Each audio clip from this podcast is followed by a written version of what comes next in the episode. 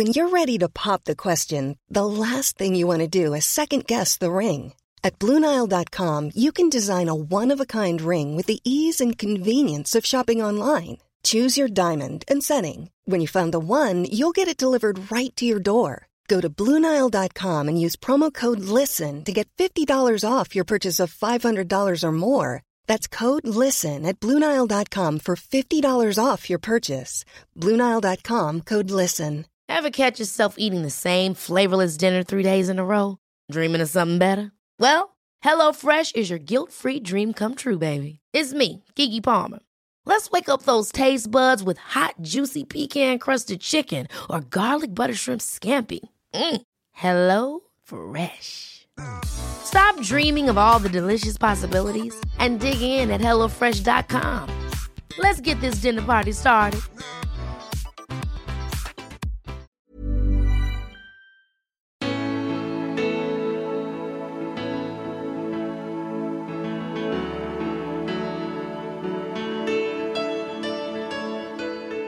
Det som kom upp där och då var 18 and abused och First time with daddy. Nacka kommuns hållning är att barnen ska ha ett filter i huvudet. Det behövs inget eh, så att säga riktigt filter utan ingen teknisk lösning utan barnen ska filtrera det här själva. Och en av frågorna som hon fick när hon pratade om porr med sina elever var vad ska man göra när tjejen slutar andas när man har strypsex? När Elsa Lantz fick upp ögonen för att hennes barn på förskolan bara var ett klick bort från hårdporr, då fick hon inblick i en värld som hon inte trodde fanns. Inte bara det, hon insåg efter ett tag att det är en värld som väldigt många unga konsumerar dagligen. En del så tidigt som från 10-årsåldern. Det var då hon bestämde sig och startade organisationen Porrfri barndom. Här kommer ett viktigt samtal med Elsa Lantz. Elsa Lantz, välkommen till podden Spännande möte. Tack så mycket. Ehm, Du är en av grundarna till organisationen Porrfri, eh, Porrfri barndom. Det stämmer. Eh, Och ehm, den kombinationen mellan porr och barn är det vi ska uppehålla oss kring en hel del idag. Yes. Eh, och samtidigt så när jag säger den kombinationen porr och barn så, liksom, så blir det oerhört mycket skav i mina öron. Ja, jag förstår det. Alltså det är nästan, det har jag nog aldrig sagt på det sättet. Nej. Eh, någonsin. Så att, du har ju precis hållit eh, föredrag om det här på ett ställe som heter Helio. här i Stockholm. Precis. Ja. Men innan vi dyker in i ämnet lite grann om dig. Vad har, vad har du själv för bakgrund? Som eh, yrkesverksam. Som tänker du? yrkesverksam ja. kan vi börja med. Ja. Jag har jobbat med kommunikation i ungefär 20 år. Eh, började som journalist, gick på eh, Journalisthögskolan, eh, läste mediekommunikationsvetenskap. Eh, och har ehm, ja, men på olika sätt jobbat för både kommersiell och ideell verksamhet med kommunikation senaste ungefär 20 åren. Ja. Du har barn? Det stämmer, ja. En som är fem och en som är sex och ett halvt. Om vi går tillbaka lite då. För jag tänkte börja lite grann i, en- i den änden när du själv var i den här åldern. Hur, Mm. hur porrfri var din barndom? 100 procent skulle jag säga. 100 procent? Jag kommer faktiskt ihåg, ja, en tecknad, eh, om man nu kan kalla det för porr. Men det var något slags, jag hade en kompis som hade en serietidning under madrassen. Med någon slags tecknad porr. Det var någon, eh, någon djurfigur sådär. Med väldigt lång svans. Men det var ungefär, ja det var nog det. Så. Och då var du hur gammal då? När du... Eh, kan det varit låg eller mellanstadiet? Låg tror jag kanske. Ja. Men när stiftade du bekantskap med porr överhuvudtaget? Nej men jag har inte konsumerat porr eh, särskilt mycket. Det, jag har inte haft något behov av det. Så. Ehm, inget intresse. Eh, och när jag egentligen då fick upp ögonen för den här problematiken var på en eh, bokrelease på Fryshuset i Stockholm eh, av boken Visuell drog. Eh, som jag blev medbjuden till av kriminolog Maria Duva. Eh, och där sitter jag och får en käftsmäll för att jag har vad har jag varit eh, i senaste liksom, 40 åren? Nej men vad har jag varit de senaste i alla fall sen nätporren blev gratis och tillgänglig för barn genom smartphones och så vidare för ungefär 10 år sedan. Eh, jag hade helt missat det här. Och det har jag gemensamt med ganska många föräldrar. Jag är född 78 eh, och vår generation, jag gick ut gymnasiet utan att ha använt internet någon gång. Mitt specialarbete skrev jag med blyerts och sudd. Så det är, en, det är en generations, ett generationsskifte. Så. Jag ställde den frågan till min eh, son i morse. Ja, hur gammal är han? Han är 26. Ja. Uh, och han växte ju upp då precis i den skarven kan man väl säga, lik i skolan mm. den här skarven när man börjar och, och, och, och ha tillgång till internet. Men hade ingen smartphone? Uh, inte då kanske? Nej, inte just inte i den nej. unga åldern. Nej.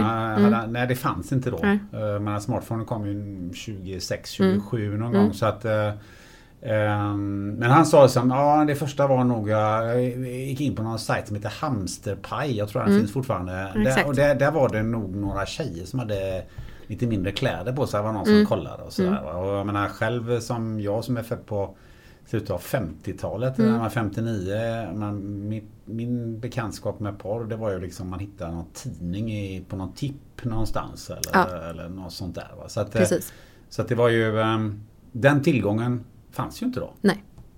Pratade du någonsin om det här ämnet porr eller på något sätt med, med dina kompisar eller med, med dina föräldrar? Eller fanns det någon sån dialog när du var barn? Mm, alltså, eh, porr fanns i stort sett inte som begrepp vad jag minns eh, under min egen uppväxt. Däremot, eller ja, alltså rörlig porr. Eh, tidningarna Rapport Aktuellt minns jag från Pressbyrån. Eh, det var det liksom. Men var det någonting som du pratade med dina Nej, kompisar ja, om? Eller kanske. Sådär? Ja, jo men absolut. På något sätt sådär. Oj, titta där uppe eller eh, ja, så. Men eh, inte mycket. Men nu känns det som att porren har fullständigt exploderat ner i åldrarna. Ja, men så är det. Hur, hur liksom, kan du beskriva det? Hur, hur, hur ser det ut idag? Ja, alltså vi samarbetar med ungefär eh, drygt 60 yrkesverksamma experter. Alltifrån eh, kriminologer, barnrättsexperter, läkare, skolkuratorer och så vidare. Hela spektrat yrkesverksamma inom barns hälsa och även advokater och så.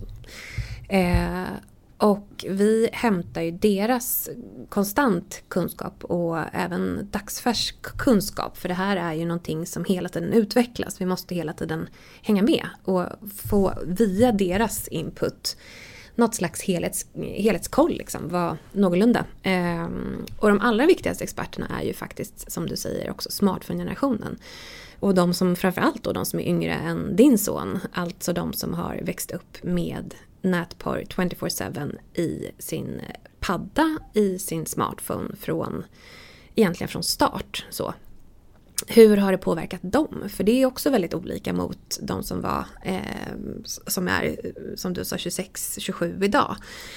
Eh, och det vi får höra är ju, det, det är tuff information, framförallt som förälder, att eh, börja liksom skrapa på ytan och börja eh, förstå sig på detta. Eh, och det är allt ifrån ehm, ja, men Ebba Bjelke som berättar att nästan ingen av mina tjejkompisar har, eh, förlåt, nästan alla av mina tjejkompisar varit utsatta för ofrivilligt strypsex.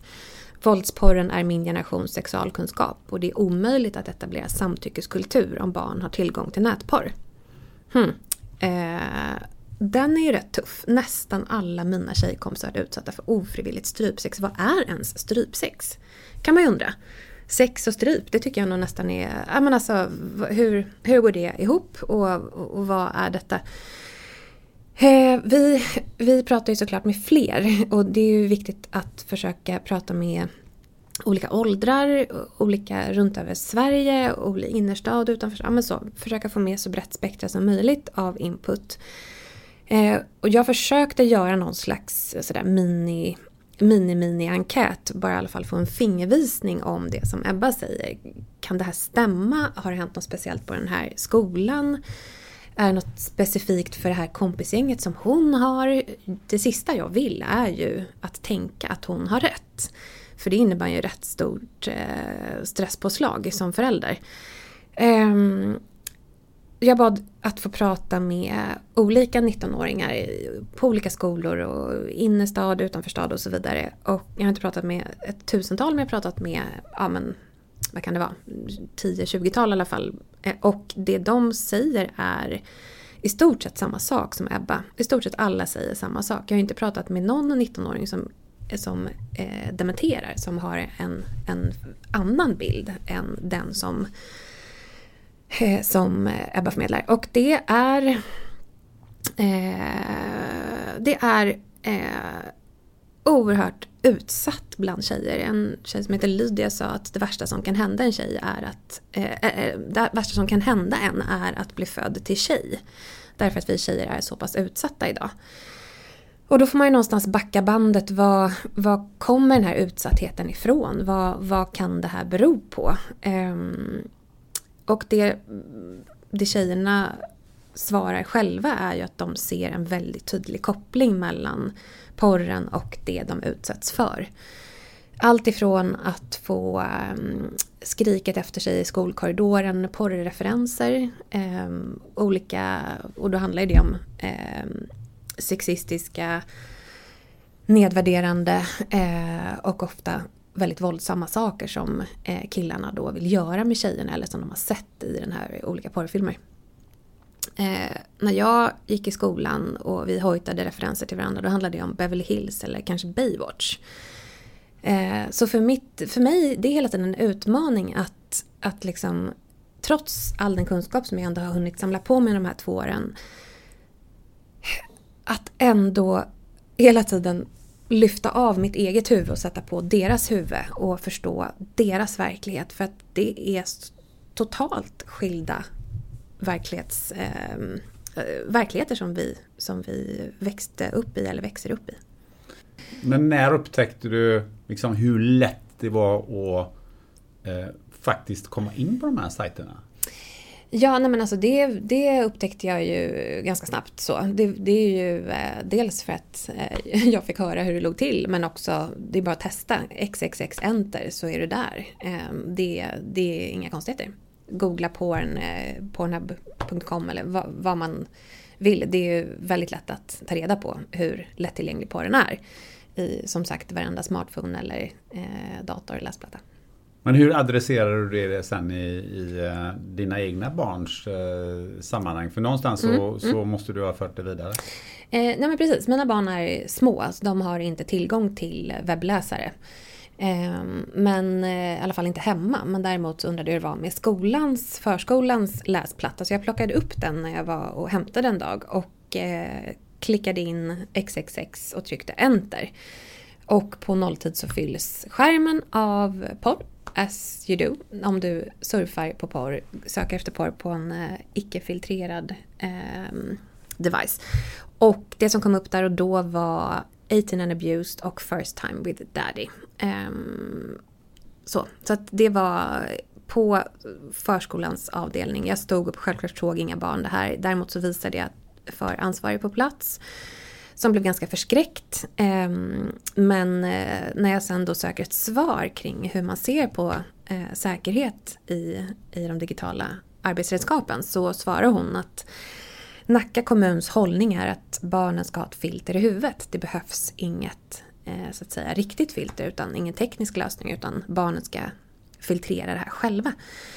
Och det gjorde ju mig såklart både oroad och faktiskt rätt arg. Det här är inte okej. Ehm, och vad gjorde, du, vad gjorde du sen då? Ja, då eh, gjorde jag ännu mer research och eh, lyckades eh, ganska snabbt förstå att cirka 50% knappt 50% av Sveriges kommuner saknar någon form av teknisk lösning på sina skolors digitala utrustning eller wifi-nätverk. Ehm, och såg att ännu större orsak till att eh, ja, men så, börja jobba med den här frågan och försöka bidra till någon slags förändring. Och det var där någonstans eh, den här organisationen Porrfri barndom startade? Ja, precis. Man kan, det finns många olika milstolpar så där precis i början. Men vår första action var att eh, skriva en debattartikel i Aftonbladet. Eh, eller förlåt, vi hade skrivit några lokala debattartiklar först kring just det här på lokal nivå. Och sen skrev vi en nationell eh, debattartikel om, eh, som vi adresserade till ansvariga politiker tillsammans med en rad andra organisationer. Och det är ju styrkan i det här hela tiden, att kroka arm med så många som möjligt som vill jobba för samma sak. Eh, det är en sån otroligt stor utmaning och vi behöver alla goda krafter eh, kroka arm tillsammans och jobba för samma sak. Så den skrev vi tillsammans med faktiskt mitt i briserande metoo i Sverige. Eh, det var, vi, lans- vi, vi, den publicerades dagen efter att Tyst i klassen, elevernas eget upprop, hade publicerats. Vad var det för upprop? Det var helt enkelt elevernas metoo-upprop, Tyst i klassen, som vittnar om en rad olika övergrepp och trakasserier på skolor. Eh, vi skriver tillsammans även med Kids 2, Metoo Sweden och eh, kriminolog Nina Rung, Unisonjourer och en rad andra organisationer och yrkesverksamma. Eh, och så la vi på en namninsamling som hade som mål att införa porrkritiska samtal, porrfri policy och porrfilter i alla förskolor och skolor i Sverige. Och hur var reaktionen från eh, dels eh, eh, man säger, presskåren och, mm. och media och, mm. och, hur var reaktionen bland allmänheten? Nej men den var kanske eh, eh, på ett sätt mer än vad vi hade väntat oss. Eh, det här är en fråga som angår alla så att, och när man får kunskap om hur pass allvarlig och illa situationen är så är det inte konstigt att många engagerar sig. Men det gick kanske snabbare än vad vi hade förväntat oss. Två veckor efter att vi publicerade den här debattartikeln så står vi nere i i eh, Strasbourg i Europaparlamentet i tv-studion där och eh, får föra ut vår talan gällande alla Europas barns rätt till en porrfri barndom. Så det var, det var ju en rivstart om man säger så. Och eh, vi samlade ganska snabbt eh, en, en ganska stor eh, ett stort antal underskrifter. Nu är vi uppe i totalt ungefär 90 000 namnunderskrifter. Det är ganska mycket för att vara i Sverige. Och vi har ett, eh, en traditionell medieräckvidd på ungefär 25 miljoner nu. Du, om vi går tillbaka till eh, det här med hur den här eh, porrkonsumtionen ser ut. Då kan ja. vi titta lite mer i, i detalj. För att vad jag har förstått så, så, har det gått ner väldigt långt ner i åldrarna. Man är nere på yes. en 9-10 års eh, ålder. Eh, vilka är det som konsumerar? Är det, är det mest killar eller är det, är det lika killar och tjejer? Och, mm. och hur, ser, hur, ser den där, hur ser den där konsumtionen och den där debuten ut? Ja, eh, det finns en forskningssiffra i Sverige som är ungefär fem år gammal eh, gällande när barn aktivt börjar söka efter porr, alltså börjar konsumera, googla efter porr.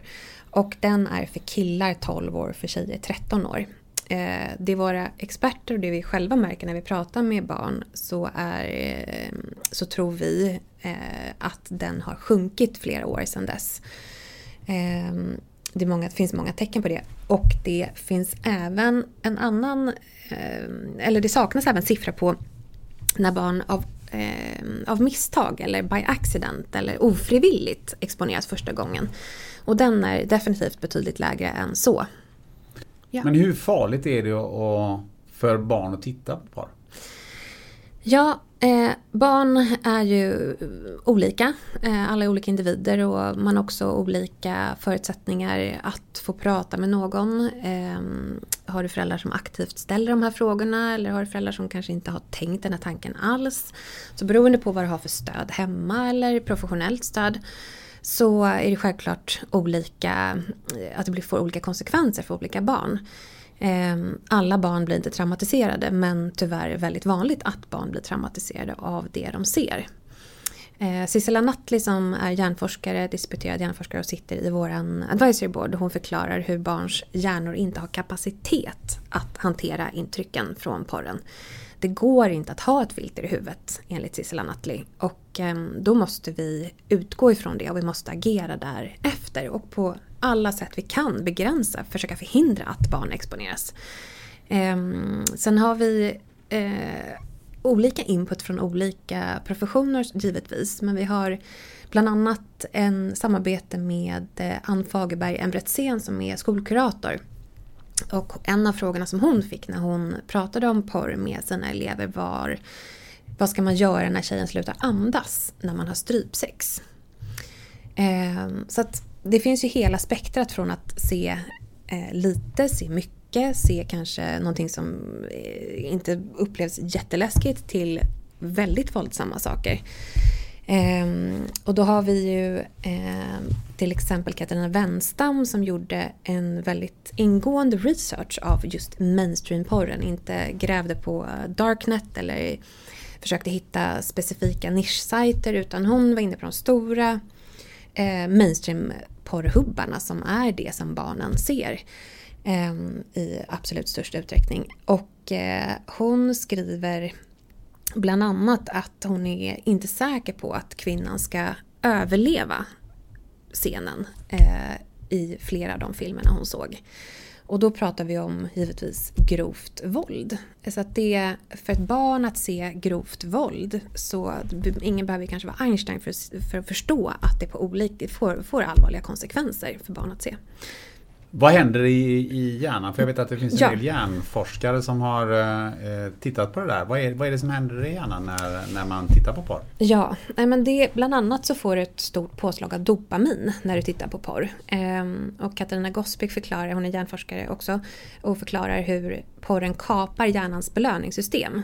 Ehm, du får ett väldigt stort, stort påslag av dopamin och så mycket, så mycket mm, dopamin vill inte riktigt hjärnan eh, ha i huvudet. Så om du ser väldigt mycket och ofta så successivt så slår hjärnan på mindre och mindre. Eh, vilket gör att du behöver se på mer extrem porr för att få de här kickarna.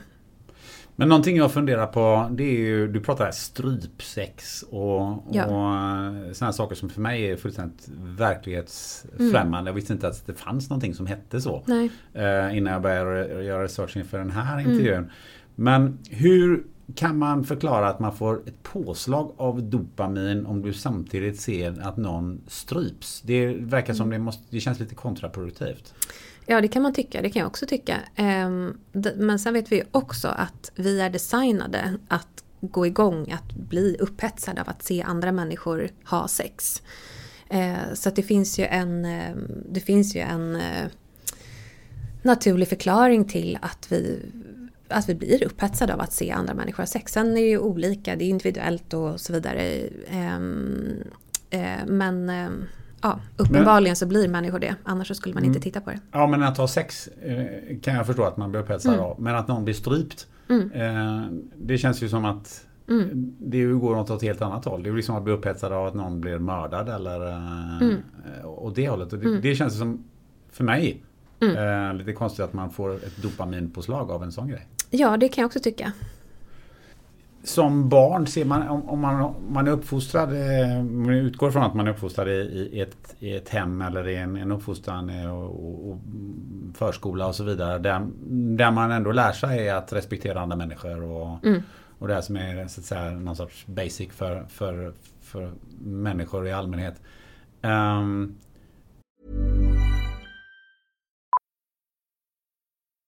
Millions of people have lost weight with personalized plans from Noom. Like Evan, who can't stand salads and still lost 50 pounds. Salads generally for most people are the easy button, right? For me, that wasn't an option. I never really was a salad guy. That's just not who I am. But Noom worked for me. Get your personalized plan today at Noom.com. Real Noom user compensated to provide their story. In four weeks, the typical Noom user can expect to lose one to two pounds per week. Individual results may vary. Hey, it's Ryan Reynolds, and I'm here with Keith, co star of my upcoming film, If, only in theaters, May 17th. Do you want to tell people the big news? All right, I'll do it. Sign up now and you'll get unlimited for $15 a month in six months of Paramount Plus Essential Plan on us. Mintmobile.com slash switch. Upfront payment of $45 equivalent to $15 per month. Unlimited over 40 gigabytes per month. Face lower speeds. Videos at 480p. Active Mint customers by 531.24 get six months of Paramount Plus Essential Plan. Auto renews after six months. Offer ends May 31st, 2024. Separate Paramount Plus registration required. Terms and conditions apply if rated PG. Hiring for your small business? If you're not looking for professionals on LinkedIn, you're looking in the wrong place. That's like looking for your car keys in a fish tank. LinkedIn helps you hire professionals you can't find anywhere else, even those who aren't actively searching for a new job but might be open to the perfect role. In a given month, over 70% of LinkedIn users don't even visit other leading job sites. So start looking in the right place. With LinkedIn, you can hire professionals like a professional. Post your free job on linkedin.com slash people today. Blir inte reaktionen att, eh, eller borde inte reaktionen bli att det här vill jag inte se, det här vill jag ta avstånd från, det här var det värsta, jag, jag mår jättedåligt av det här, jag, jag går aldrig in där igen. Alltså, eh, hur, kommer, hur kommer det sig att barn kommer över den tröskeln och sen bara fortsätta utforska det? Mm. Ja men det är en bra fråga. Jag tror dels så är vi ju också designade, alltså vi har ju ett stort mått av nyfikenhet. Det är barn i pubertet, även förpubertet. Vi är ju intresserade av vår egen kropp från att vi är väldigt små. Ehm, och det är ju 100% naturligt och ska definitivt få vara så att barn vill utforska sexualitet och sig själva och kropp. Ehm, eh, och, men då har ju helt enkelt porrindustrin kapat den här processen eh, av naturligt utforskande och förser barn med eh, sin version av sex. Som du och jag kan tycka är våldsam och ofta motbjudande kan jag tycka. Men eh, de facto så blir väldigt många människor upphetsade av att se det. Men då blir ju, finns ju många som blir beroende av det här. Ja. Hur ser ett sånt beroende ut? Eh, jag kan börja med att nämna att det inte finns någon diagnos som heter porrberoende. Den hade varit uppe, vad jag förstått, till diskussion i um, American Associ Psychiatrist Association, om jag säger rätt. Eh, men inte mm, klubbats igenom så. Eh, det tog ju visserligen även flera år innan till exempel datorspelsberoende blev erkänd diagnos. Det har ju ofta sin, eh, ja men så, tar en, en viss tid innan, innan processen är, är igenom så. Eh, och jag tror absolut att eh, porrberoende det är en tidsfråga innan det blir en erkänd diagnos, men är inte det idag. Eh, och din fråga var hur, den, hur processen går till eller hur, ja, alltså hur det kan man, uppstå. Eller så här, men alltså porrberoende till att börja med, Ja. vad är det för någonting? Ja men alltså, så, och då får vi ju säga upplevt porrberoende för det finns ju ingen riktig diagnos. Men Harry Skärlund till exempel som är en av våra ungdomsföreläsare. Eh, han berättar själv hur han utvecklade, ja men som ett tvångsmässigt tittande. Hur han eh, hade svårt att somna om man inte hade tittat. Eh, Han hade svårt att koncentrera sig i skolan om man inte, ja, därför att egentligen då var tankarna där och han var så han var så insnurrad i, i porrkonsumtionen och de bilderna det han hade sett. Ehm, och att han sprang till datorn, och då hade han ju inte fått, hunnit få smartphone för det här var ju några år sedan. Ehm, och eh, ja, men när föräldrarna var borta så fort han fick en ledig stund så sprang han och tittade. Så han upplevde ju att det här var tvångsmässigt, han tittade mer än han ville och han, han tittade egentligen så fort han kunde. Ehm, så, så såg hans porrberoende ut. Men vad leder ett sånt eh, porrberoende? Vilka problem Mm, får man? mm. Nej men han upplevde ju själv en väldig stress kring eh, riktiga sexuella situationer. Eh, mindervärdeskomplex, eh, taskig självkänsla därför att man ser eh, personer på skärmen prestera under väldigt lång tid, erektion som håller väldigt länge och göra massor med avancerade saker som eh, för en odebuterad ung människa självklart är något helt annat än det man, man själv kommer uppleva och lyckas åstadkomma och, och vara med om vid sin egen sexdebut.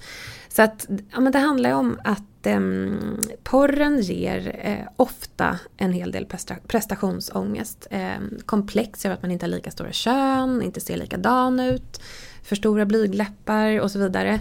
Och att man ehm, eh, även då många upplever eh, faktiskt erektionsproblematik. Eh, det finns en Flashback-tråd som faktiskt var Harrys första kontakt med, eller första gången han fick input på att fler satt i samma situation och att de själva upplevde det här som ett problem och även hade fått hjälp. Ehm, den, I rubriken så är bland annat ordet “Det här är min rehabiliteringsprocess” är en del i rubriken och den har flera miljoner visningar. Så det är en extremt populär svensk tråd. Och när man går in och kikar där, Flashback är kanske inte känt för att vara eh, tårdrypande, jättehuman, supervarm och omhändertänksam eh, tråd, eller ja, forum så. Men just den här tråden eh, måste jag säga faktiskt är, jag, jag blir faktiskt nästan lite, jag tycker den är fin när jag går in och kollar för att eh, många delar i den därför att eh, det är killar som har eh, lider av porrimpotens eller lider av och eller porrberoende och är rätt desperata kring att få hjälp och hur andra killar hoppar in och, och ger tips och hjälper. Så här gjorde jag för att bli fri och så här, så här kom jag ur. Och det, här, och det de tipsar varandra om är att sluta titta på porr. Men du, eh, jag tänker på det för det är ju rätt mycket våld i det här då. Yes. Eh, precis som vi har beskrivit alldeles nyss. Och, um, har man på något, då, jag tänker både på, på ett vetenskaplig nivå och, och även på, på polisiär nivå eh, eller, eller um, sociala myndigheters nivå. Har man sett en ökning utav, utav våldsbrott, utav um, vad ska man säga, överfall eller våldtäkter eh, som man kan koppla till den här typen av, eh, av porrkonsumtion. Jag menar jag tänker på strypsex. Bara, bara att strypa någon är ju eh, är ju egentligen eh, alltså man säger, det, är ju, det är ett brott som du går, mm. begår. Va, hur, hur, ser det, hur ser det ut? Mm. Alltså vi har ett jätteproblem här därför att samhället har ju inte tagit ett helhetsgrepp kring det här. Eh, och det saknas ordentlig kartläggning av hälsokonsekvenserna bland barn. Det är vårt absolut största problem, eller ett av de absolut största problemen i den här, eh, hela den här situationen. Eh, vi skulle behöva en statlig utredning som kartlägger både hälsokonsekvenser, jämställdhetskonsekvenser och även våld. Um, och det saknas idag och vi gör allt vi kan för att få politikerna att tillsätta en sån utredning. Och utifrån den kan man ju då sen se tydligt vad det har givit för konsekvenser. Så det kan vi inte, det har, det har vi inte svart på vitt idag. Däremot så, det är bland annat därför vi samarbetar med så pass många olika experter för att lyssna in, lägga örat mot marken och lyssna in deras expertis, deras kliniska erfarenhet och det de, de brottsmål eh, de arbetar med och så vidare. Och inte minst då barnen som är de allra viktigaste experterna, de unga. Men eh, sen finns det ju eh, forskning vad det gäller, framförallt internationell forskning vad det gäller porrens konsekvenser. Och den är, det är en ganska gedigen forskning, har forskats i över 50 år på porrens skadeverkningar på olika sätt. Och då kan vi se att eh, konsumtion av även eh, mjukare porr utan våldsinslag gör Ehm, eh, den manliga populationen med eh, statistisk signifikans mer våldsam.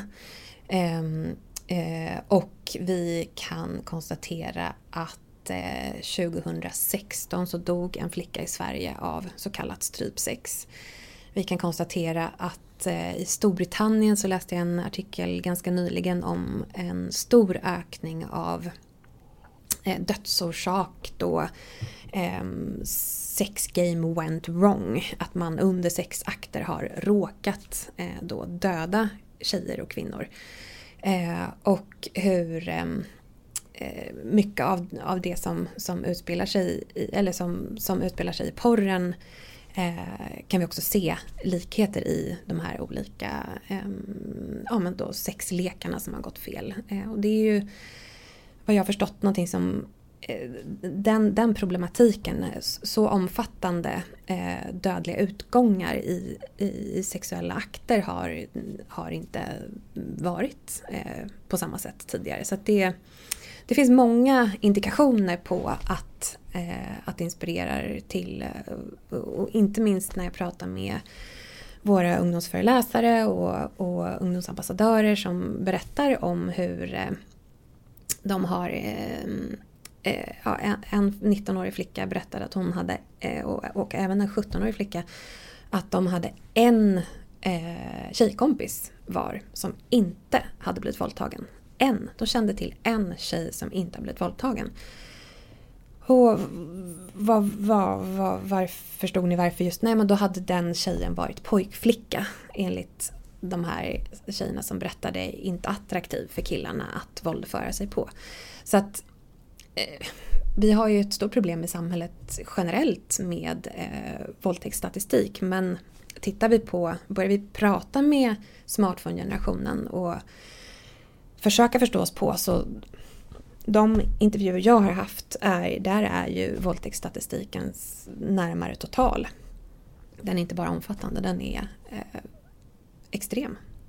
Då måste man ju säga att eh, mörkertalet när det gäller våldtäkter måste vara mm. fullständigt enormt. Ja, vi kan också tillägga att ingen av de här tjejerna som jag pratat med har anmält.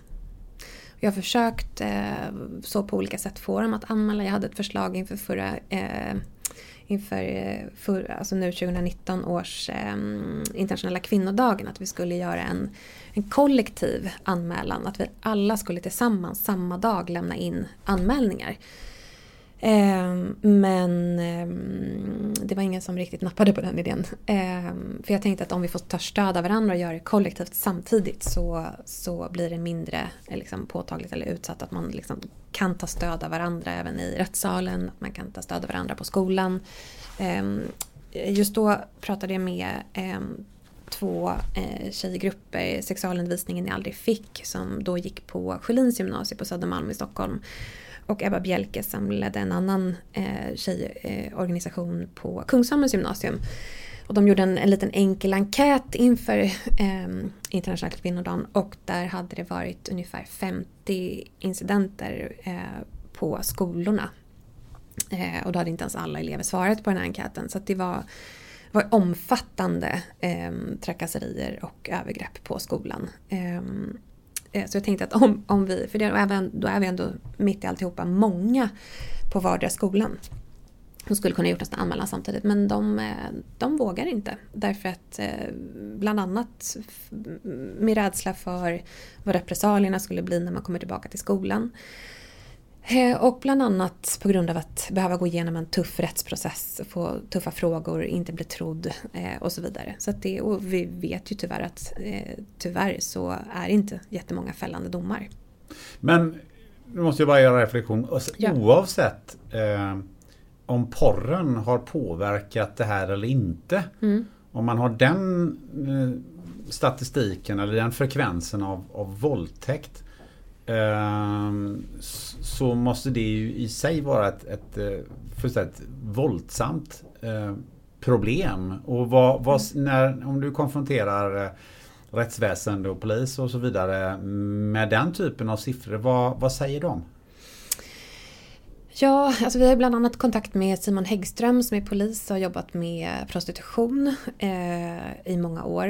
Eh, och det han kan konstatera är ju att porren normaliserar sexköp och att sälja sex. Han kan konstatera att det har blivit fler minderåriga som eh, köper sex och säljer sex. Ehm, så där har man ju liksom en bild, någon slags eh, liksom, eh, ja, konkret... Han har ju siffror då på hur många fler, han kan ju se en ökning, tydlig ökning.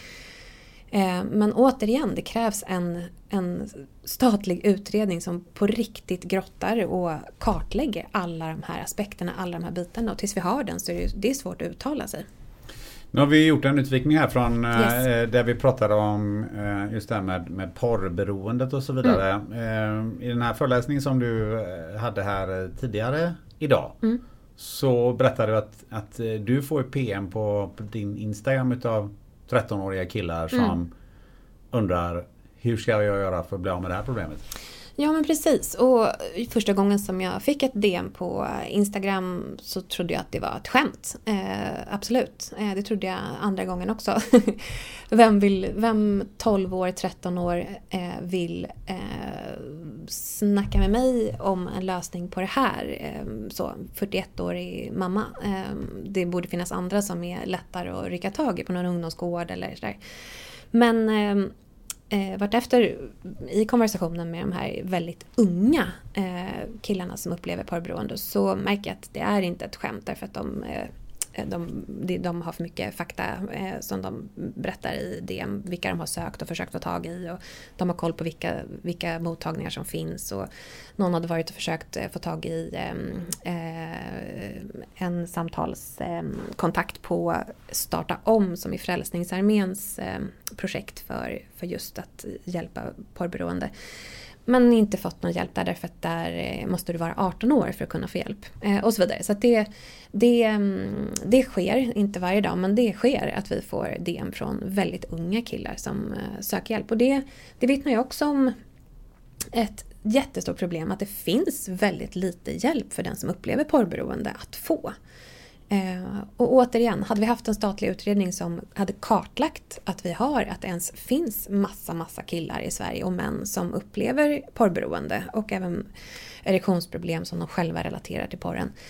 då hade det avsatts resurser. Då hade man startat eh, lokala mottagningar, man hade utbildat personal, man hade agerat på ett helt annat sätt. Man hade inte lämnat så många, många eh, unga eh, i den här situationen själva som man gör idag. Men eh, vad skulle du säga om eh, någon som lyssnar på det här nu och, och som har hamnat i den typen av beroende. Var, vart ska den här personen bege sig? Ja, eh, jag, det beror lite på om man är tjej eller kille för det finns ju tjejer som också har porrberoende. Eh, jag slår, verkligen slår ett varmt slag för de ungdoms och tjejjourer som finns. Eh, HBTQI tjej och ungdomsjourer som finns runt över hela Sverige. Bland annat Unisonjourer och ROX har. Eh, för att kunna få just en, en eh, lokal, att kunna, lokal eh, samtalspartner som man kan faktiskt söka upp på nästan varje ort, i, i alla fall väldigt många orter i Sverige. Eh, de har inte alltid utarbetade eller sällan utarbetade program för just porrberoende men de har ofta väldigt bra kunskap kring frågan. Så att få något slags samtal och något slags stöd där tror jag hade varit jättebra. Ehm, sen är du över 18 år, då skulle jag absolut rekommendera att starta om. Ehm, vi har en hel del kontakt med dem och deras metodik bygger bland annat på, som jag förstått, 12-stegsprogrammet. Ehm, och eh, att ha en samtalspartner som man kan få hjälp och stöd av eh, längs vägen. så. Eh, Tolvstegsprogrammet måste ju bara flika in. Det är ju det programmet ja. som, man gör, som man går igenom när man är alkoholist. Precis. Och jag har en, en förhoppning och jag tror faktiskt att det kommer ske inom ganska snar framtid att eh, Just tolvstegsprogrammet har vi ju en, eh, faktiskt ganska många utbildade handledare i runt över hela Sverige. Vi har även lokaler, faciliteter, många sådär ideella föreningar som har, tar emot just och, och bedriver den typen av kurser. Eh, att lägga på kunskap kring porr och byta ut alkohol mot porr och kunna upprätta den typen av eh, hjälpmottagningar eh, skulle inte vara så svårt över hela Sverige och det behövs. För nu pratar vi just om detta är som en drog och det är så det också Absolut. betecknats ja. Eh, och när man pratar drog så, så pratar man ju också, eh, man pratar droger och föräldrar, mm. eh, så pratar man ju ofta om att hur du, så här upptäcker du att ditt barn håller på med droger och då kanske man inte pratar just alkohol utan mm. man pratar lite tyngre droger ja. eller narkotika. Ja. Eh, det finns ju mycket diskussioner kring och mycket, mycket olika hjälp och sätt att, att upptäcka det här. Men den här drogen, hur, hur eh, ett som förälder, hur eh, beter man sig när man misstänker att eh, ens barn eh, har alltså en, ett, ett beroende utav, utav porr.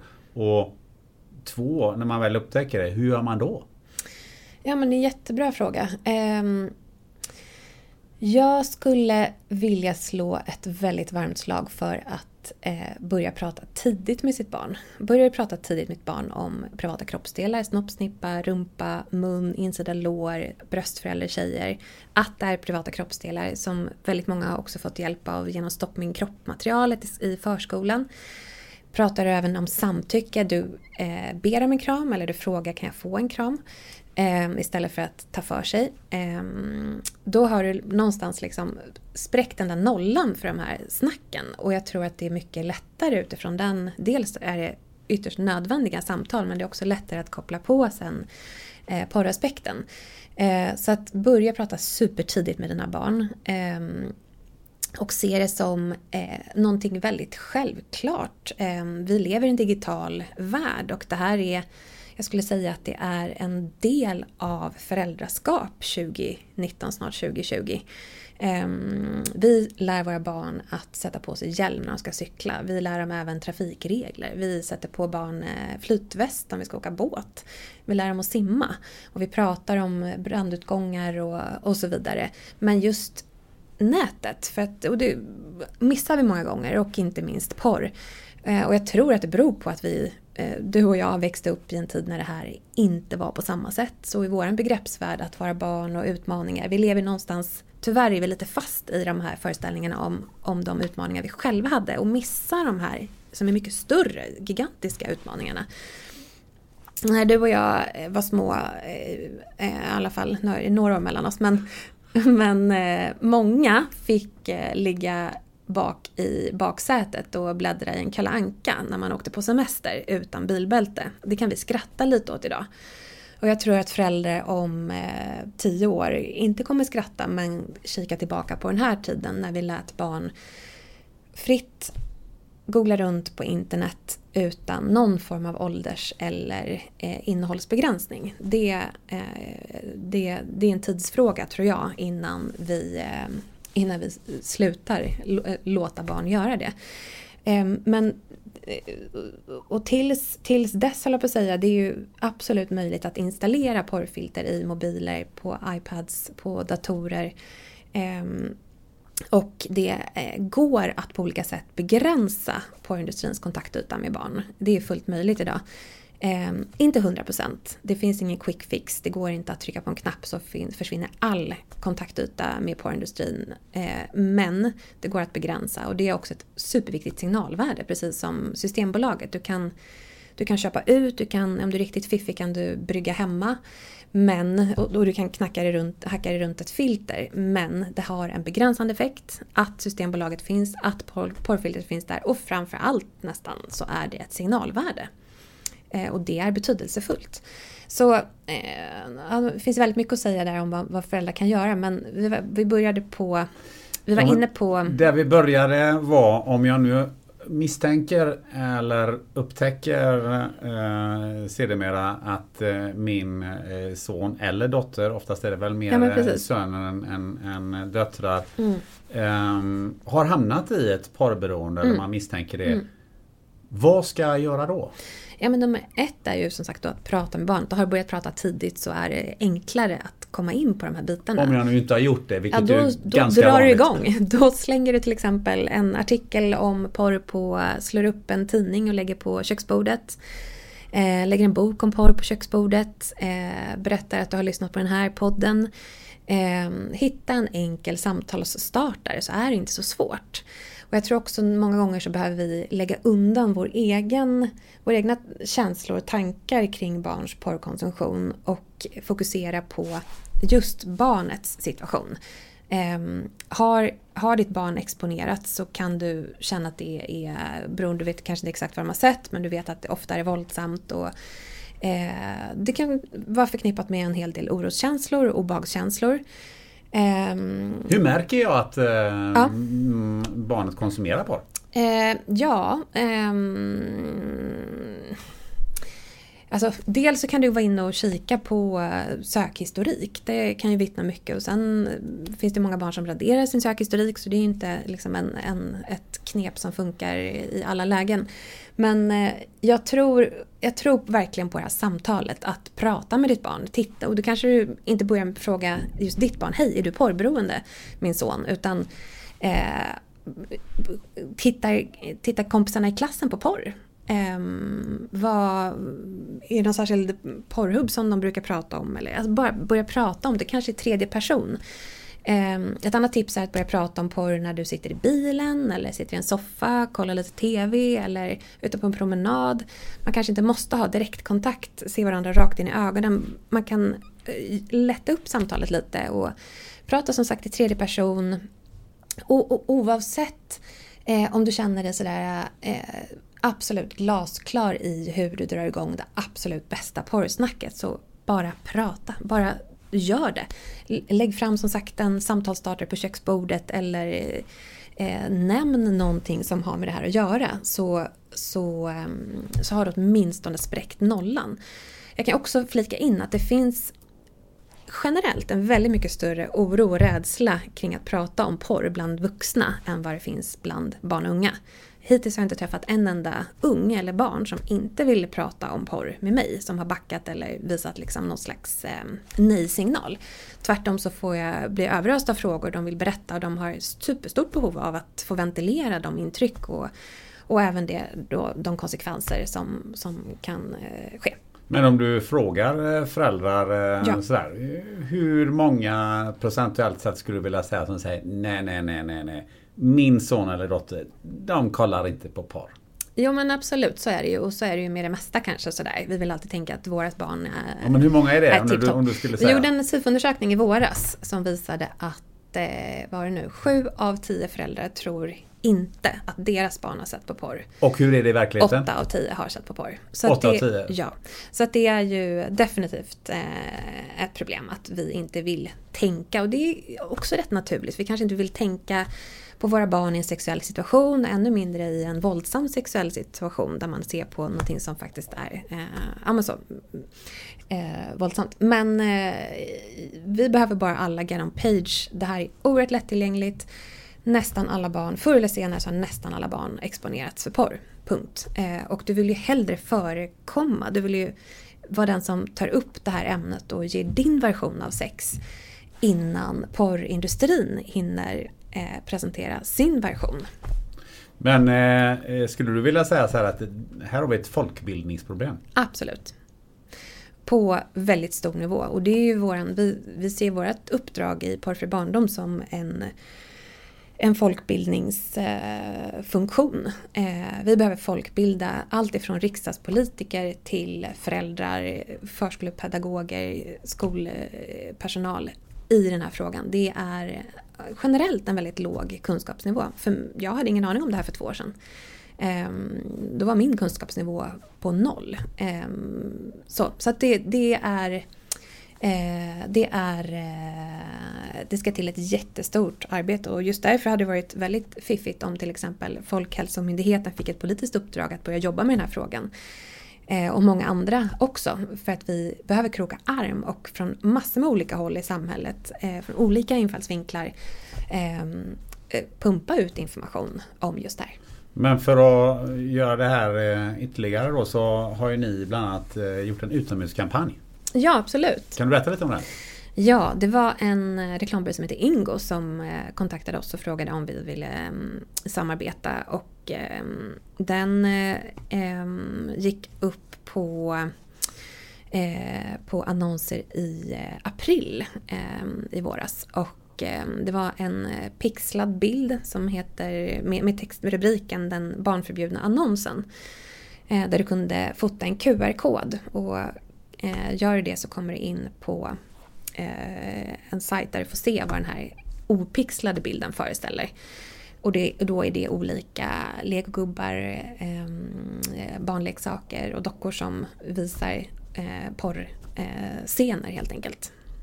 Eh, men sen vet jag också att eh, ni har eh, förespråkat att man ska sätta de här porrfilter och att man då ska kunna bara kunna komma in via BankID. Ja, eh, det kommer aldrig ske.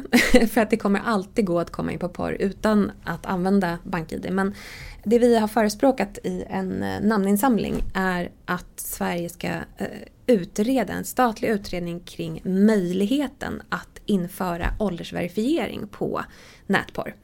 Då kan vi kika på lite andra länder, bland annat Storbritannien som klubbade igenom en lag för ett par år sedan gällande just det här. Ehm, som innebär att kommersiella porrsajter ska erhålla ett åldersverifieringsverktyg. Alltså du behöver logga in med någonting motsvarande till exempel BankID för att påvisa att du är över 18 år. Ehm, och vi tycker absolut att eh, det här är någonting som vi bör utreda hur det skulle kunna ske och tillämpas i Sverige. Men vi ska också tillägga att det skulle ju inte förhindra all kontaktyta med eh, porr. Eh, utan det ja, som Storbritannien hade tänkt implementera det här. Nu har de tyvärr blåst av det därför att de ansåg att det var för, för svårt helt enkelt. Att, eh, bland annat på grund av att Twitter har så väldigt mycket porr och, och eh, de hade även problem att garantera porrkonsumenters eh, integritet, säger de. Så det är eh, tyvärr avblåst själva implementeringen av den här nya lagen. Men vi vill fortfarande att Sverige ska utreda och kika på hur skulle vi kunna göra här i Sverige. Ehm, men de hade tänkt då, jag pratade med John Carr som eh, var eh, eh, digital designer bakom ehm, Age Verification System som det heter. Och då hade de tänkt börja med de största porrhubbarna. Och de stod även redo, hade tagit fram åldersverifieringsverktyg som de själva stod redo att börja, ja helt enkelt ehm, implementera. Eh, och då skulle du eh, eh, precis börjat med de största, de började, skulle börjat med de största porrhubbarna och sen eh, trattat ner. Men det går ju aldrig att implementera det här på alla porrsajter som finns i världen. Det finns miljontals porrsajter. Så att det är ju en omöjlighet. Men som, som John Carr sa, vi måste börja någonstans. Det här är inte minst också ett väldigt viktigt signalvärde. Och får vi, får vi eh, bort barns trafik till till exempel Pornhub med över 4 miljoner filmer, då är det ett stort framsteg. Men eh, det här med porrfilter, eh, för ju, det pratar ni om i, och det är en av era eh, eh här huvudargument ja. eller huvudmål att man eh, eh, tar fram ett, ett, ett porrfilter och då pratar ni ju främst för, för skolor och, och förskolor. Ja, vi pratar främst faktiskt eh, gällande operatörerna. Eh, därför att de erhåller ju eh, alla, alla använder, använder sig av någon form av operatör. Ehm, och eh, idag så finns det inte en enda operatör som har porrfilter utan extra kostnad till ens då till barn, barnfamiljer. Ehm, och det finns två operatörer, Tele2 och Comvik, som inte ha något porrfilter alls på sitt erbjudande även om du vill betala för det. Så att det är oerhört eftersatt bland operatörerna och vi måste få med oss operatörerna. De måste börja samarbeta för att alla barn ska få det här skyddet. 186 000 barn le lever enligt Rädda Barnen nu 2019 i ekonomiskt utsatta familjer och har du svårt att sätta mat på bordet så kommer du ha svårt att prioritera ett porrfilter. Eh, så för att alla barn ska med på tåget, vilket också är nödvändigt, för annars så kommer barn exponera varandra och i värsta fall även övergreppa varandra som våra experter berättar.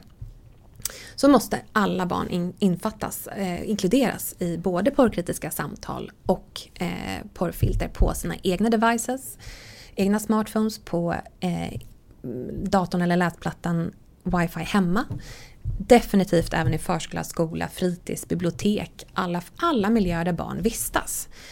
Ehm, det är avgörande för att barn inte ska exponeras. Och det är ett massivt arbete. Det kommer ju vara, det kommer verkligen krävas från alla håll i samhället att vi ska fixa det här. Ehm, men det är självklart inte omöjligt. Vi skulle kunna jämföra det med en pappa som jag stod och pratade med utanför min dotters skola han frågade vad jag skulle göra. Jag skulle, stod med min resväska och skulle iväg och föreläsa på västkusten. Jaha, oj, hjälp! Han fick eh, ja, så här, lite svett i pannan när jag berättade lite kort vad jag jobbade med. Det här hade jag ingen aning om, aldrig tänkt på Elsa. Men, huh, eh, och sen två minuter senare så hade han processat lite i huvudet och sa, men vet du vad? Det är självklart inte omöjligt. Kunde vi för ungefär hundra år sedan när Sverige var kraftigt försupet och vi hade enorma problem med alkoholmissbruk kunde vi inrätta systembolag, kunde vi minska den, eh, den alkoholkonsumtionen som, som, var, som ledde till eh, beroende och eh, allt möj, all möjlig eh, ohälsa. Eh, det är klart att vi kan ta oss an det här, det är ett annat typ av problem men det, eh, han såg ändå likhet. Jag tycker det var, var ganska intressant iakttagelse av honom. Eh, och nummer ett, vi kan inte ge upp på våra barn. Vi måste göra allt vi kan för att stoppa den här utvecklingen. Men vad säger operatörerna när ni pratar med dem? Ja, det eh, undrar jag också, på säga. Det är inte alltid vi får tag i de här operatörerna. Eh, vi, får, vi har, har, haft många samtal som varit jättebra med eh, Tele2 framförallt. Eh, och de är jätteintresserade av att införa det här men, eh, och det har de varit i ungefär två års tid men det har fortfarande inte skett. Man prioriterar inte det här. Eh, vilket ju självklart inte är godtagbart. Det är precis tvärtom inte godtagbart.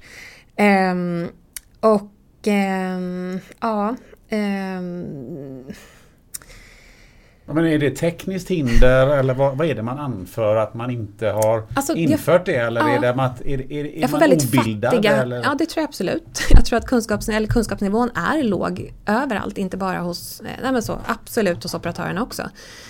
Eh, men eh, jag har svårt att få ordentliga svar faktiskt. Eh, och det är väl bland annat för att de förstår att det här är en väldigt het potatis och de vill väl inte svara fel och så vidare. Men men eh, så att jag, jag, vi, vi har inte ordentliga svar från operatörerna. Eh, Tele2 och Comvik säger att de vill och att de är på gång. De skrev på, våran, eh, på vårt eh, Facebook-konto för ungefär ett år sedan att de hade som målsättning att implementera det här Q1 2019 men det har ju absolut inte skett. Så att, Eh, det, det, är svårt att förstå sig på varför man draggar i en så otroligt viktig fråga. Eh, men även någonting som föräldrar verkligen efterfrågar. Eh, vi har ju eh, kontakt, vi har ju vårt community är ju över 100 000 föräldrar som är ganska desperata, verkligen efterfrågar en enkel bra fungerande lösning. Men ni har ju velat införa porrfilter eh, som jag nämnde förut ja. på, på skolor och förskolor Absolut. också. Absolut. Eh, och, um, hur, hur låter reaktionen där då? Eh, nej men det är ju, eh, alltså vi har ju fått med oss sju av åtta riksdagspartier, det fick vi ganska snabbt, som Eh, även i, dels gick ut, partiledarna gick ut i media vid olika tillfällen och sa att vi står bakom Parför barndoms förslag eh, till 100%. Absolut, säger alla, utom Sverigedemokraterna. Eh, sen gjorde vi en eh, enkät inför riksdagsvalet 2018 och där fick vi eh, konfirmerande svar då från partilinjen, inte bara eh, partiledarna utan partilinjen är att alla vill ha eh, porrfria förskolor och skolor genom porrfilter och porrkritiska samtal och även porrfri policy. Vi fick ett ja från Sverigedemokraterna och jag svarade, det var lite svårt att tyda svaret och jag frågade eh, i vändande mejl och fick inget, är det ja eller nej och fick ingen, inget svar på det. Så det, vi fortfarande lite, ställer oss fortfarande lite tveksamma till var de står i den här, i den här frågan. Men men det här ligger på kommunnivå eh, om förskolan, skolorna, fritids och så vidare ska få eh, någon teknisk lösning och porrkritiska samtal. Eh, och det är en annan femma. Då har vi 290 kommuner som vi ska bearbeta och det kan inte vi göra på en och en halv person. Vi är en och en halv person som arbetar på Porr för barndom. Eh, fram tills jul. Sen tar våra pengar slut som vi har fått från Postkodstiftelsen och då vet vi inte riktigt hur vi ska göra. Nu har vi dragit igång en kampanj för att försöka rekrytera månadsgivare så vi hoppas på att få finansiering den vägen. Um, och det växer men vi, det, det, är ett stort glapp i finansieringen där för 2020 men 290 kommuner det, det är många att bearbeta.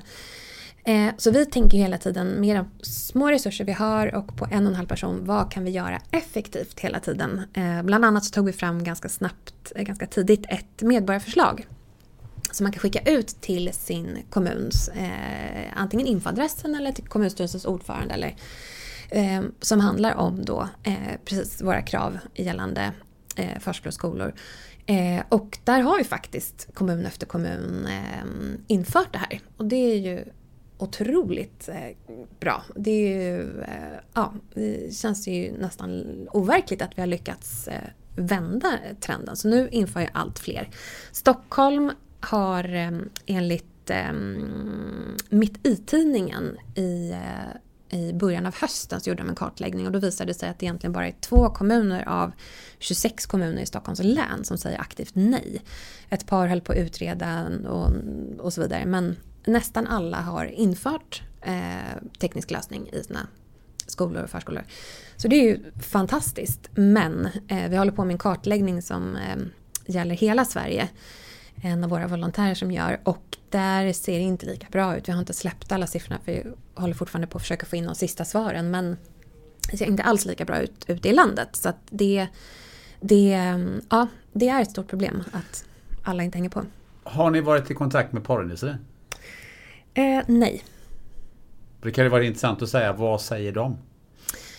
Ja, absolut. Eh, och eh, däremot så har vi kontakt med andra som har haft kontakt med porrindustrin och eh, det, ja men sådär, ja. Eh, ett, som jag har... Har de ja. något intresse av att absolut. människor under 18 år surfar in på porrsajter? Absolut. Därför att varje klick är ett klick oavsett om du är 5 eller 55 och varje klick är pengar vi måste någonstans eh, greppa vad det här är vi jobbar mot. Det är en gällande barn då, det är eh, en av världens största miljardindustrier. Det är en industri som är till för att tjäna pengar. Ehm, så att det är enorma kommersiella krafter bakom det här och de har en egen lobby, de har en egen marknadsföringsapparat som är gigantisk. Ehm, så att ja, eh, deras mål är att tjäna pengar. Och de, de tjänar pengar oavsett om du är 5 eller 55. Kan du till och med så eh, förlänga en, en individs konsumtionscykel, kan du börja konsumera tidigare och kan du konsumera mer så är det ännu fler klick för dem. Så det är ju bara positivt för, för dem ekonomiskt. Har ni märkt någon, någon aktiv motarbetning från, det, från den industrin? Eh, Det är lite svårt att veta. För det är svårt att veta vilka som är köpta av porrindustrin. Men vi kan ha våra aningar så. Men inget konkret som vi vet. Du, det finns ju några eh, aktörer, eh, människor, eh, forskare och så vidare som, som är kritiska yes. till er. Ja. Vad, vad består den kritiken av? Nej, men de är inte många men de är väldigt högljudda. Och eh, den handlar om att eh, om du inför porrfilter så menar vissa att då skulle vuxna luta sig tillbaka och inte tänka att de behöver ta det viktiga samtalet. Och det är ju inte särskilt logiskt för så tänker vi inte vad det gäller alkohol, narkotika och tobak till exempel. Vi kan ju ha både porrkritiska samtal och införa porrfilter. Det ena behöver ju inte utesluta det andra. Tvärtom så kompletterar ju de varandra. Eh, inför du, tvärtom då, inför du porrfilter i, eh, på en skola till exempel, då är det a reason to speak. Då har du ju en anledning att, då har du ju gjort någonting konkret som du informerar eleverna om.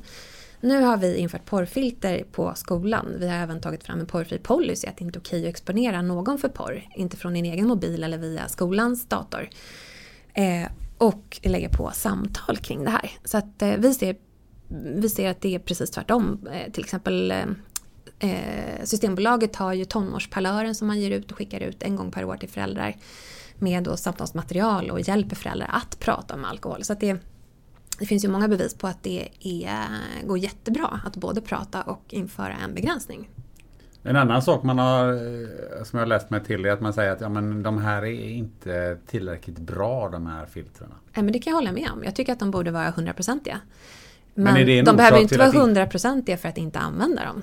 Så, eh, så att det innebär ju inte att till exempel om vi jämför igen med Systembolaget. Eh, för att du har ett systembolag så innebär ju inte det att du inte kan få tag i alkohol. Du kan bränna hemma, du kan knycka ur spritskåpet eller be någon köpa ut. Men det är fortfarande en begränsning och har ett jätteviktigt signalvärde. Precis på samma sätt funkar ju ett porrfilter.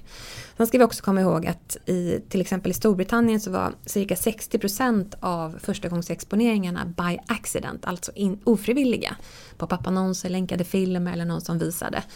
Ehm, kan vi få bort de här allra yngsta exponeringarna så är det mycket vunnet. Ehm, sen så finns det ingen forskning på eh, den här helhetslösningen som vi förespråkar. Vi förespråkar ju, om det nu inte har framkommit jättetydligt än, så aldrig en av delarna utan alltid de här olika delarna tillsammans. Ehm, precis som vi jobbar med annat förebyggande. Eh, och det finns ingen forskning som, som ser till den här helheten. Så det finns inga bevis för att det inte skulle funka. För man anför ju också eh, skäl att eh, ja, men då kan inte ungdomarna komma in på de sajterna som typ RFSU och, och den typen av ja. sajter. Att, ja, men då ja. blockas allting ut. Ja, men precis. Och det är en väldigt seglivad myt. Du kan ju enkelt själv testa om du installerar till exempel då iPhones iOS eget porrfilter på din iPhone. Och även korsa den med Google Safe Search för att få ett bättre skydd. Det är, är nödvändigt att korsa båda de två. Tyvärr så funkar då inte Google Safe Search på andra webbläsare. Vilket är då en av orsakerna till att operatörerna måste ta fram en schysst lösning som funkar för alla. Ehm, men eh, om du testar och lägger på iOS-filter och Google Safe Search och testar att söka på rfsu.se så kommer du märka att det går jättebra. Även umo.se, rfsl.se, snaff.se Så att det är inte ett problem idag. Det har funnits problem med överfiltrering. Eh, men det gällde eh, filter för daterade filter. Den moderna, den nya tekniken har gått framåt och överfiltrerar inte på det sättet. Och iOS är ju inte heller ett svenskt filter men de kan ändå känna av att det här är inte porr, det här är sexualupplysningssajt och släpper igenom det. Mm. Det är ju då Apples uh, iOS. Exakt, uh, ja. En, en, annan sak finns ju sådana som säger att nu håller ni på att moralisera om porr igen. Ja, Nej, vad, säger, vad har du att säga till dem?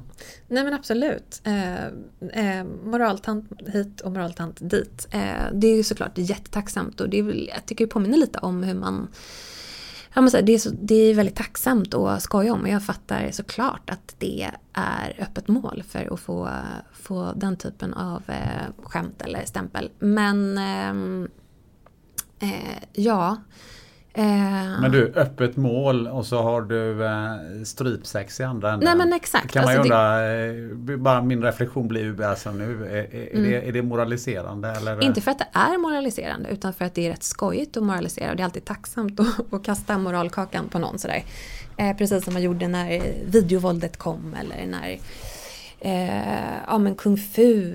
Jag såg en artikel med hur den här nya dödssporten och det var förskräckligt och så vidare. Alltså, ja. så det, jag fattar att det är tacksamt att, att driva med men jag tror att det handlar om att man inte har fått kunskap om hur porren påverkar och hur lättillgänglig den är för barn. Ehm, vad har du att säga om porrfilter och eh, politiker? Eh, och vad tänkte du då?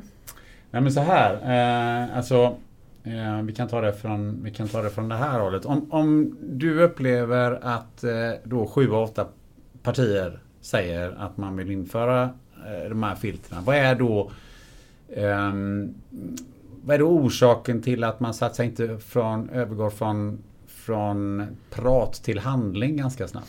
Mm, nej men alltså återigen, jag tror att okunskapen är den stora boven hela tiden i det här dramat. Att man, eh, man har inte fattat hur stort problemet är. Man har inte förstått hur mycket det kostar samhället och hur mycket det kommer kosta samhället. Eh, en våldtäkt kan kosta mellan en och en halv miljon och många, många miljoner upp. Ehm, Förutom personligt lidande. Exakt. Eh, och eh, ja, de här 19-åringarna som jag pratar med som säger att nästan alla tjejkompisar, då inklusive de själva, har varit, blivit våldtagna. Så alltså det är... Oavsett om du inte bryr dig om barn och tycker att det här är en intressant fråga så kanske du bryr dig om din egen pension en vacker dag. Alltså det här kommer kosta samhället jättemycket pengar. Eh, så. så att eh, prevention och förebyggande insatser har alla att tjäna på. Definitivt. Och politiker. Jag tror, jag tror att politiker generellt saknar väldigt mycket kunskap på det här området. Eller det är det vi märker. Och eh, det är också en, ehm, eh, en fråga som jag tror att man eh, både saknar kunskap och inte riktigt vill ta till sig all den kunskapen som ändå finns. Nu har ju vi manglat på ett tag och många med oss. Eh, det är rätt olustiga tankar och man, ja, det kanske ligger lite i vår natur att inte vilja tänka att det här verkligen påverkar barn på det sätt som det gör. Men någon som har tagit tag i det är ju Macron i Frankrike. Ja, Han absolut. gav eh, eh, teleoperatörerna sex veckor på sig. Att, eh, Månader, men sex ändå. månader? Ja, Ja. okej. Sex månader, whatever. Yes, yes. Men, eh, och så, här så att lös det på sex månader annars, Ja. så, annars så stänger vi ner. Nej men han är helt fantastisk. Han har fattat. Så det, det är klart att det går att fatta. Och det, eh, han, eh, det var ett, ett, ett, i ett tal till Unesco där han för bara ett par veckor sedan meddelade att de då franska operatörerna får sex månader på sig att införa porrfilter per, by default på alla, eh, alla devices, alla, alla abonnemang. Ehm, alltså förinställt porrfilter, inte ens det som vi då kämpar för här nummer ett i Sverige, att man ska kunna välja till. Vi har inte ens kommit så långt i Sverige. Utan han, det har de haft länge, utan det han vill är då att det ska vara förinställt och att du ska behöva slå av om du eh, ska ta bort det. Ehm, och han säger ju även, som du sa, eh, han pratar även vad gällande åldersverifiering där och eh, säger att eh, det, han ger även operatörerna sex månader på sig att ta fram den typen av lösning. Alltså att du måste verifiera att du är över 18 år för att komma in på porrsajter. Om, eh, om det inte är på plats inom sex månader så säger han att han ska, ska vidta en ny lag som då kommer stänga av de sajterna. Så det är ord inga visor. Fantastiskt ledarskap.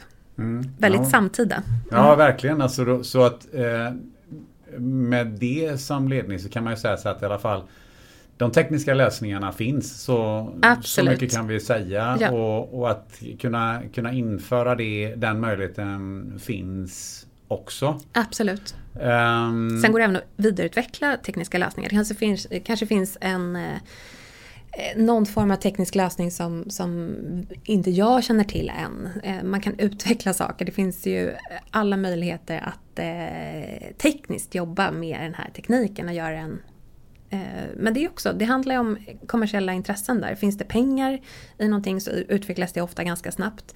Vi ska också ha i bakhuvudet att porrindustrin har ju bekostat väldigt mycket av den tekniska utvecklingen som eh, vi har idag. De stora skärmarna, VR och så vidare. Eh, men då finns de tekniska möjligheterna finns ju och eh, allt det som vi har pratat om nu.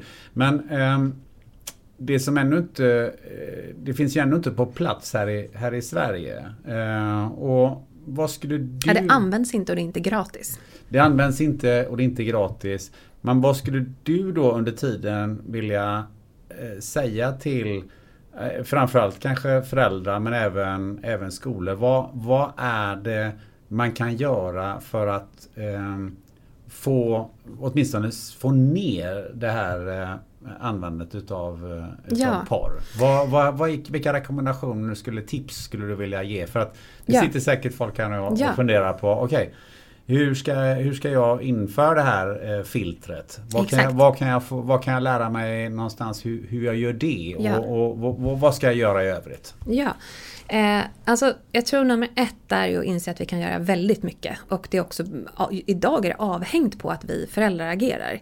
Eh, på, på ett par olika områden. Nummer ett är ju vårt barns direkta eh, liksom i vårt barns eget situation. Eh, på med porrfilter hemma, på med porrfilter på mobilen. Kräv att skolan gör detsamma. Skicka våra medborgarförslag till din kommun. Och det finns även, det finns då på porrforbarnen.se eh, dels medborgarförslag som man kan skicka till sin kommun. Hej kommun heter den. Till din rektor och till din förskolechef. Så eh, färdiga, enkla dokument som du bara kan mejla vidare. Um, på Porrfri barndom kan man också få reda på hur ja, installera ett, ett, ett porrfilter. Där har vi porrfribarnen.se slash porrsnacket har vi i tre enkla steg punktat upp vad du som förälder kan göra och också faktiskt behöver göra. Det vi måste göra allihopa. Ett, ta snacket. Då har vi åldersanpassade tips, experttips och enkla filmer om hur du kan ta ett, ett porrsnack med förskoleklass, lågstadie till exempel. Eh, och sen nummer två, hur du kan installera porrfilter. Då har vi i alla fall listat de alternativ som finns idag. Eh, och där finns det också en call to action att dra iväg ett mail till din operatör. Och skicka då inte bara till kundtjänst, för det hamnar kanske i någon liten mindre prioriterad inkorg. Utan skicka det direkt till ledningen, skicka den till din operatörs VD. Du kräver, precis som många andra, att operatörerna inför porrfilter utan extra kostnad. Meddela kunderna att det finns. Och även att de berättar för kunder hur man kan ta porrkritiska samtal. Vi har erbjudit vårt material till alla operatörer. De är fria att använda det och länka på sina sajter där de åtminstone kan använda vårt material får gärna ta fram eget också. Men för att få igång snacket så, så har ju operatörerna en fantastisk eh, kontaktyta. De sitter ju på nyckelposition. I stort sett varenda förälder i Sverige har ju eh, ett abonnemang eller kontantkort och att i alla fall direktkontakt med operatörerna som kan både pusha ut möjligheten här kan du när det införs eh, installera porrfilter och här, så här kan du ta ett porrsnack. Så att de, de sitter ju verkligen på en otroligt viktig nyckelroll. Men som sagt, på eh, punkt två där så kan du få hjälp med de alternativ som finns idag. Och punkt tre på porrsnacket är ju det minst lika viktiga, nämligen att få med de andra föräldrarna i ditt barns community. I klassen, i barngruppen, hockeylaget, fotbollslaget och så vidare. Därför att barn exponerar varandra förr eller senare och tyvärr ofta, eh, alldeles för ofta i alla fall, utsätter varandra för det de lär sig i porren. Eh, och om vi krokar arm med de andra föräldrarna och gör det här tillsammans så har vi såklart en helt annan utgångspunkt att förebygga att de exponerar varandra eller i värsta fall då utsätter varandra. Um, så att det är, vi måste få, få, en, um, få in det här som en, en självklarhet i föräldraskap och i, eh, i ja, hur vi både pratar och förebygger preventivt med våra barn 2020 och framöver. Eh, ta snacket, på med porrfilter och kroka arm med alla föräldrar i ditt barns community. Då har du skapat en, en då blir du ditt barns game changer. Du har skapat en helt annan förutsättning för att de ska få upptäcka sin egen sexualitet själva utan porrindustrins påverkan och, och ja, implementera samtycke i sin grupp och så vidare. Så det, det, det har vi alla möjlighet att göra och det är fantastiskt. Vi ser faktiskt det ske. Um, vi har eh, ja, ett community med över 100 000 föräldrar och eh, det delas ut, vi printade en liten eh, one-pager, ett infoblad med de här tre stegen och våran URL till där de kan få allt material. Som finns på porrförbarnen.se som man kan printa, eh, ladda ner och printa själv gratis. Och till exempel dela ut på eh, föräldramötet, eh, dela ut på, varför inte på eh, Lucia, när det går Lucia-tåg. Ta med en bunt på tjejmiddagen eller eh, killmiddagen och dela ut till alla andra föräldrar som är där. Eh, få med dig ditt barns community och då måste du såklart gå via föräldrarna. Så porrfribarndom.se slash porrsnacket. Slash porrsnacket. Vad hittar man mer på sajten Porrfri barndom? Ja, eh, där hittar du... ehm, Det här porrsnacket är ganska omfattande. Det finns rätt mycket expertkunskap och forskning och olika studier som eh, har med det här att göra. Så du kan läsa på ganska mycket olika saker och även länkar vi vidare till andra organisationer och, och eh, ja, hela forskningsartiklar.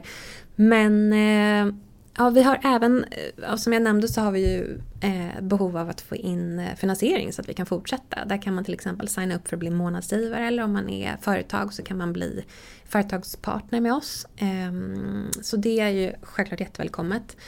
Eh, vad kan man göra mer? Man kan ehm, ja, men precis hitta de här medborgarförslagen som man skickar vidare.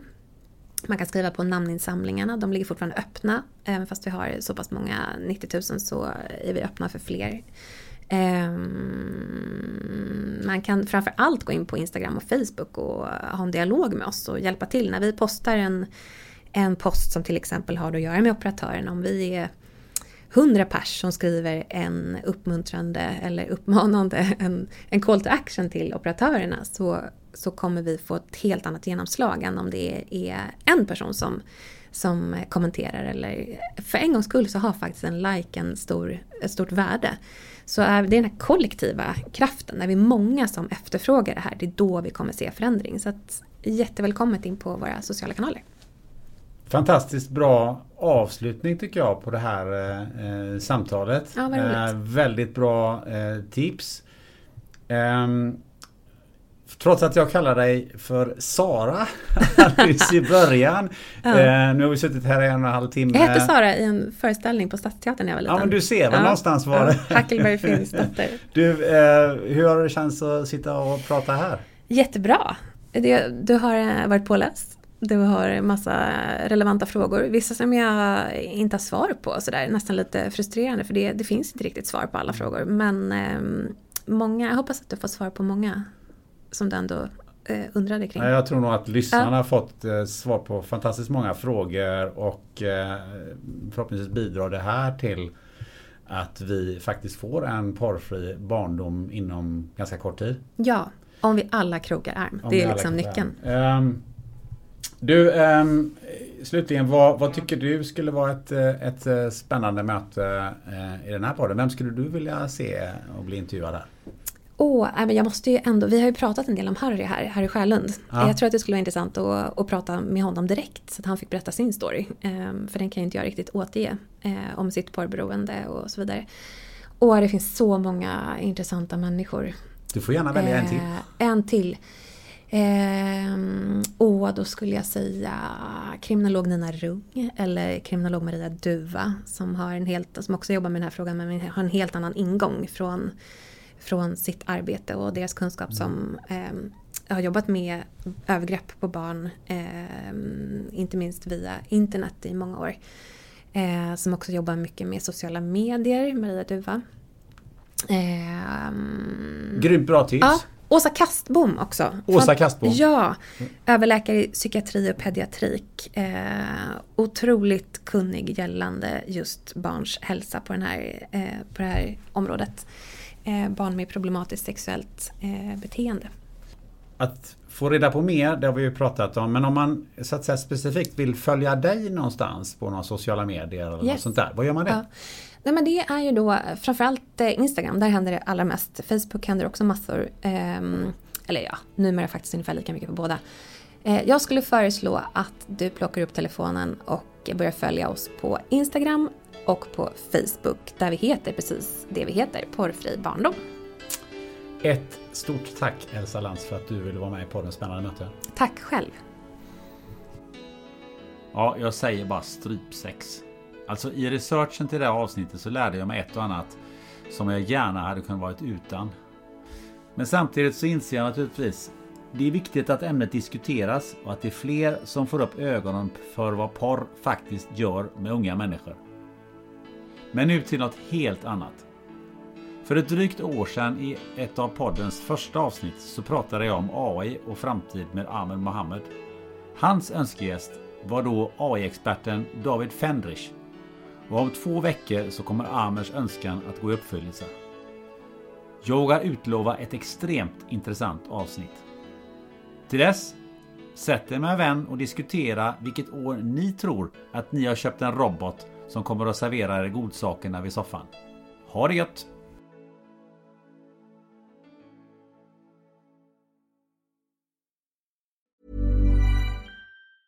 Ever catch yourself eating the same flavorless dinner three days in a row? Dreaming of something better? Well, HelloFresh is your guilt-free dream come true, baby. It's me, Kiki Palmer. Let's wake up those taste buds with hot, juicy pecan crusted chicken or garlic butter shrimp scampi. Mm. Hello Fresh. Stop dreaming of all the delicious possibilities and dig in at HelloFresh.com. Let's get this dinner party started. Planning for your next trip? Elevate your travel style with Quince. Quince has all the jet setting essentials you'll want for your next getaway, like European linen premium luggage options, buttery soft Italian leather bags, and so much more. And is all priced at 50 to 80% less than similar brands. Plus, Quince only works with factories that use safe and ethical manufacturing practices. Pack your bags with high-quality essentials you'll be wearing for vacations to come with Quince. Go to quince.com/pack for free shipping and 365-day returns.